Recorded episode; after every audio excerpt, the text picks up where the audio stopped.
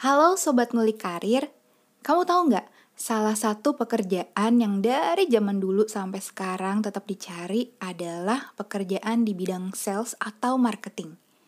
Di episode kali ini, salah satu kakak akan bercerita tentang profesinya sebagai B2B sales. Hmm, pekerjaan apa ya itu? Mending kita dengerin langsung aja ya. Selamat mendengarkan. Selamat datang di Ngulik Karir, sebuah podcast yang tidak berusaha menggurui, tapi mau menginspirasi untuk kamu-kamu yang tumbuh di zaman kiwari atau masa kini, sehingga kamu bisa menyiapkan bekal untuk di kala nanti. Masih bersama Bibi Diva di sini.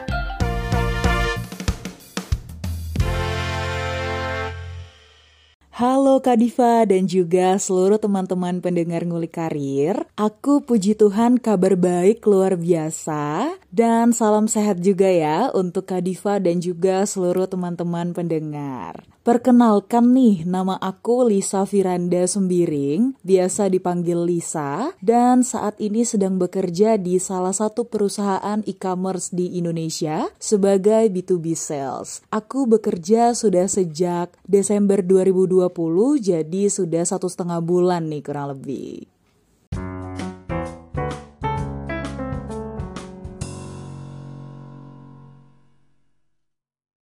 Jadi aku memang handle soal penjualan. Ada tiga jenis bisnis di e-commerce tempat aku bekerja. Yang pertama itu adalah B2B, business to business, divisi aku tentunya. Dan bagaimana gambaran pekerjaan aku setiap harinya? Tentu bertemu dengan klien, para perusahaan, kemudian mengadakan meeting, kemudian kami membuat surat penawaran dari produk yang mereka butuhkan, dan pada akhirnya nanti ketika mereka sudah terima surat penawaran dari kami, akan ada negosiasi, kemudian sampai akhirnya bertemu dengan satu titik di mana mereka deal dengan harga yang kami berikan. Kemudian ada B2C juga, business to consumer, jadi memang customernya itu adalah individu ataupun perseorangan. Dan bagaimana bedanya B2B dan B2C?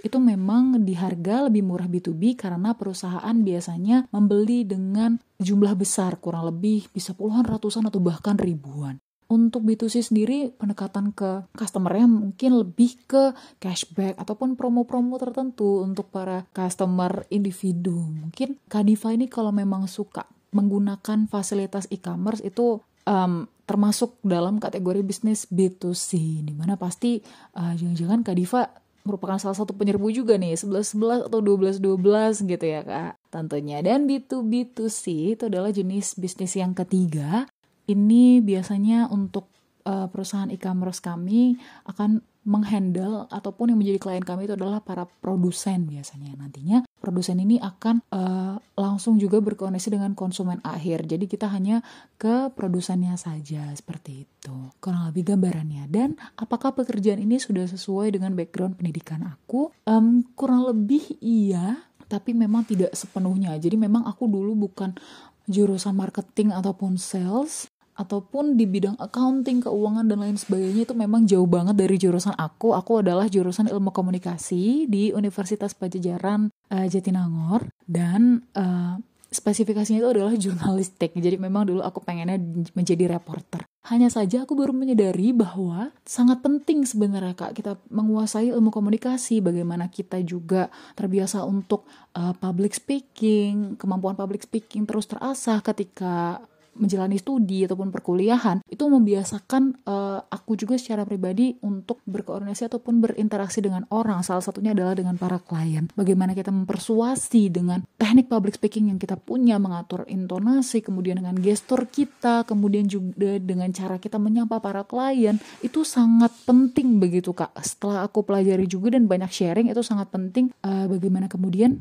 klien merasa nyaman dengan kita dan proses penjualan pun akan berjalan dengan lancar. Kurang lebih seperti itu kak. Jadi memang tidak secara langsung nih ilmu komunikasi ini uh, cukup berperan di pekerjaan aku sebagai sales tapi um, sedikit banyaknya menjadi basic ataupun dasar untuk aku bisa menghandle para klien. Dan untuk uh, dari segi keuangan atau perhitungannya uh, bagaimana teknik marketingnya itu masih akan terus aku pelajari sambil aku bekerja. Jadi learning by doing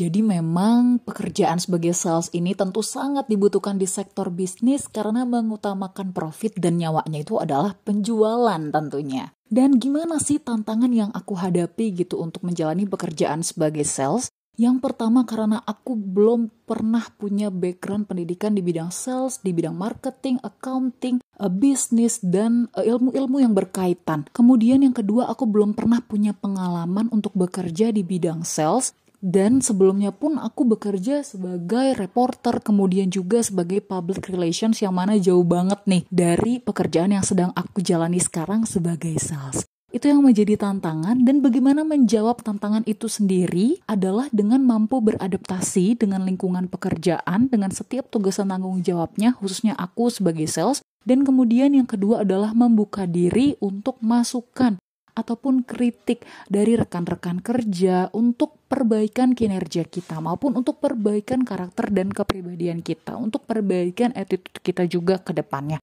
Um, dengan kita mampu terus untuk beradaptasi, kemudian kita membuka diri untuk terus mau belajar lebih baik lagi, maka uh, kinerja kita, kualitas kita akan tentunya semakin meningkat dan kita bisa dengan mudahnya menjawab setiap tantangan yang ada di depan mata. Begitu Kak Diva dan itu akan terus berjalan secara konsisten untuk bisa uh, kita terus uh, menghadapi setiap tantangan-tantangan ke depannya.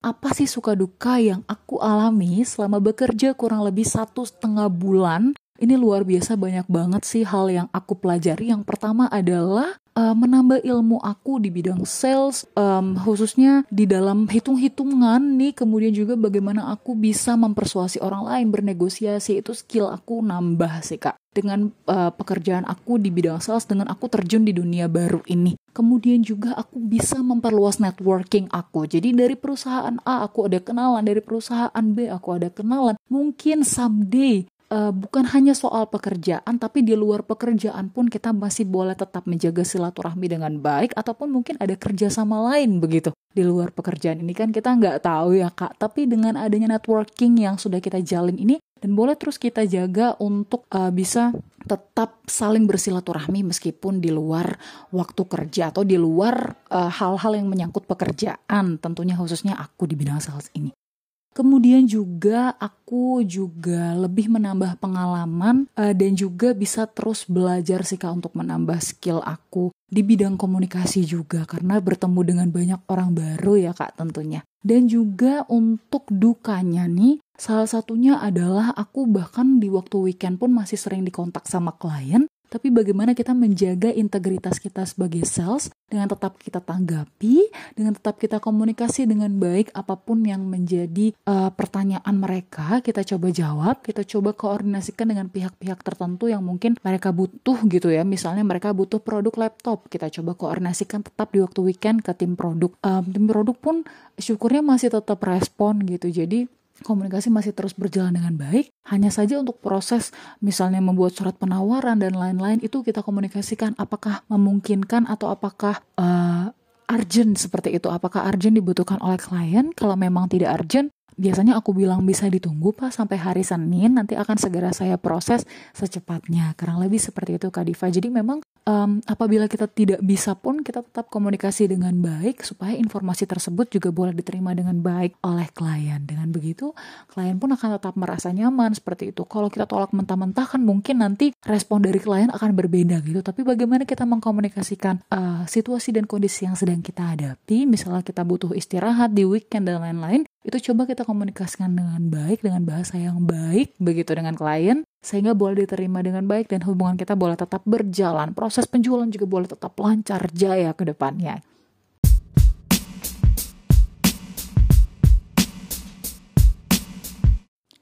Dengan perkembangan teknologi dan informasi yang semakin pesat dan cepat kemudian juga dengan persaingan bisnis yang juga semakin ketat kemudian dengan situasi yang juga serba instan, konsumen maunya instan gitu. Uh, aku yakin sih secara pribadi bahwa di bidang sales ini sendiri pun akan berkembang seiring berjalannya uh, perkembangan teknologi dan informasi khususnya di Indonesia gitu. Pasti akan terus beradaptasi dengan perkembangan dan teknologi itu akan semakin digunakan. Bahkan mungkin nanti tenaga manusia nggak akan dipakai lagi gitu. Bahkan mungkin nanti cara bernegosiasi misalnya tidak perlu lagi diadakan meeting uh, bertemu baik uh, secara tatap muka langsung ataupun virtual gitu. Mungkin bisa saja hanya klik-klik melalui website ataupun sistem tertentu begitu. Seperti yang sekarang juga sedang dikembangkan jadi memang klien kami banyak sekali yang minta jasa dari kami juga untuk dibuatkan microsite di mana nanti ini uh, tinggal dinikmati uh, saja oleh para nasabah. Jadi nasabah tinggal melihat nih layanan atau produk dari klien kami yang mungkin bisa nanti diperjualbelikan uh, kepada para nasabah. Kurang lebih seperti itu dan akan banyak ke depannya perkembangan-perkembangan lagi yang mungkin kita nggak tahu nih dan nggak diduga-duga karena mungkin memang aku secara pribadi belum punya juga pengalaman di bidang IT jadi aku hanya menyampaikan apa yang uh, selama ini aku lihat situasinya dan bagaimana uh, permintaan-permintaan klien yang sebagian besar yang menyangkut teknologi juga untuk bisa terus bersaing gitu di dunia bisnis. Nah, setelah aku mempelajari dunia sales selama kurang lebih satu setengah bulan di e-commerce tempat aku bekerja ini, jadi ada beberapa skill yang menurut aku cukup penting ya untuk bisa menunjang berjalannya tegasan tanggung jawab kita sebagai seorang sales. Yang pertama itu adalah skill komunikasi tentunya. Bagaimana kita bisa berkomunikasi dengan klien, kemudian juga berkomunikasi dengan tim internal kita, um, dan kemudian itu boleh terus berjalan dengan baik. Menurut aku itu uh, merupakan salah satu kuncinya juga ya sebagai seorang sales. Komunikasi itu sangat penting gitu. Uh, gimana kita bisa mengkomunikasikan di internal tuh adanya produk yang seperti apa sih? Dengan kualitas yang seperti apa? Dengan berapa harganya? Begitu kemudian kita komunikasikan dengan klien. Dan kita juga bisa mengkomunikasikan apa yang menjadi kebutuhan klien kepada tim internal kita misalnya. Khususnya ke tim produk kita. Itu penting makanya. Karena sedikit aja tuh bisa ambiar begitu. Karena aku pernah lihat juga buktinya uh, sesama sales gitu gitu ya. Uh, aku melihat pengalaman senior aku bagaimana kemudian ada miss sedikit dan akhirnya dapat hard complaint gitu dari klien ya itu jadi makanya sangat penting untuk bisa punya skill komunikasi. Kemudian yang kedua adalah skill negosiasi, tentunya bagaimana kita bisa memberikan harga terbaik untuk klien dengan kualitas yang terbaik juga tentunya dan itu boleh sama-sama kita sepakati. Kemudian yang ketiga itu adalah skill accounting juga. Jadi memang bagaimana kita bisa menghitung pajak, kemudian persentase margin, keuntungan dan lain-lain itu sangat penting juga untuk kita ketahui basicnya begitu ya. Kemudian juga skill untuk mengoperasikan komputer itu juga sangat penting karena um, sehari-hari juga menggunakan alat itu, komputer ataupun laptop ya untuk menunjang pekerjaan kita uh, dan minimal juga bisa uh, punya skill basic Microsoft Excel uh, secara khusus ya karena sebagian besar uh, menggunakan itu begitu untuk membuat surat penawaran, kemudian juga untuk menghitung hasil penjualan dan lain-lain uh, sebagian besar menggunakan Excel. Kemudian juga yang uh, terakhir itu adalah skill administrasi itu juga sangat penting ya karena untuk di bidang aku sendiri untuk uh, banking dan juga perusahaan telekomunikasi itu juga untuk administrasinya cukup ribet dan rumit kalau kita bukan tipe orang yang telaten, teliti, uh, tapi tetap cepat dan tangkas gitu, um, itu agak sulit ya untuk bisa menjalaninya. Jadi skill administrasi itu juga penting untuk bisa kita pelajari. Sepele sih terlihatnya ya, tapi itu cukup penting begitu untuk uh, bisa kita tetap berjalan di uh, dunia sales ini, begitu. Dan untuk tips untuk adik-adik juga. Jadi tidak hanya skill yang penting tapi attitude itu juga sangat penting. Ting ting ting. Itu sangat penting. Uh, aku juga banyak sharing juga dengan atasanku dan dia banyak ngedepak orang cuman karena attitude-nya jelek begitu. Jadi skill sebagus apa pun setinggi apa pun kalau attitude jelek itu sama aja bohong gitu ya. Jadi uh, seimbangkan atau mungkin untuk persentase attitude itu lebih tinggi begitu ya. Karena untuk skill itu sebenarnya bisa dipelajari seiring dengan berjalannya waktu Kurang lebih seperti itu Kak Diva dan semangat untuk seluruh adik-adik terutama mungkin yang menginjak uh, bangku SMA ataupun juga di bangku perkuliahan ya. Tetap semangat, kemudian ketahui potensi diri dan terus kembangkan uh, dan semangat untuk mencapai segala cita-cita dan masa depannya karena uh, kesempatan itu akan terbuka selama kita mau mencari dan mau terus belajar.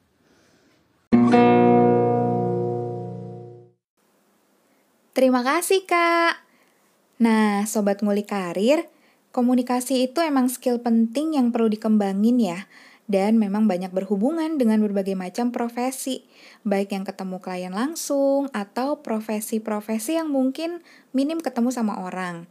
Tapi tetap aja, ini adalah salah satu kunci keberhasilan seseorang dalam menapaki karirnya. Dan jangan lupa tuh yang tadi, attitude. Karena sebagus apa pun skill kita, kalau attitude-nya nggak baik, ya ambiar deh jadinya. Makasih ya sudah mendengarkan sejauh ini. Kita ketemu lagi di episode selanjutnya. Salam ngulik karir.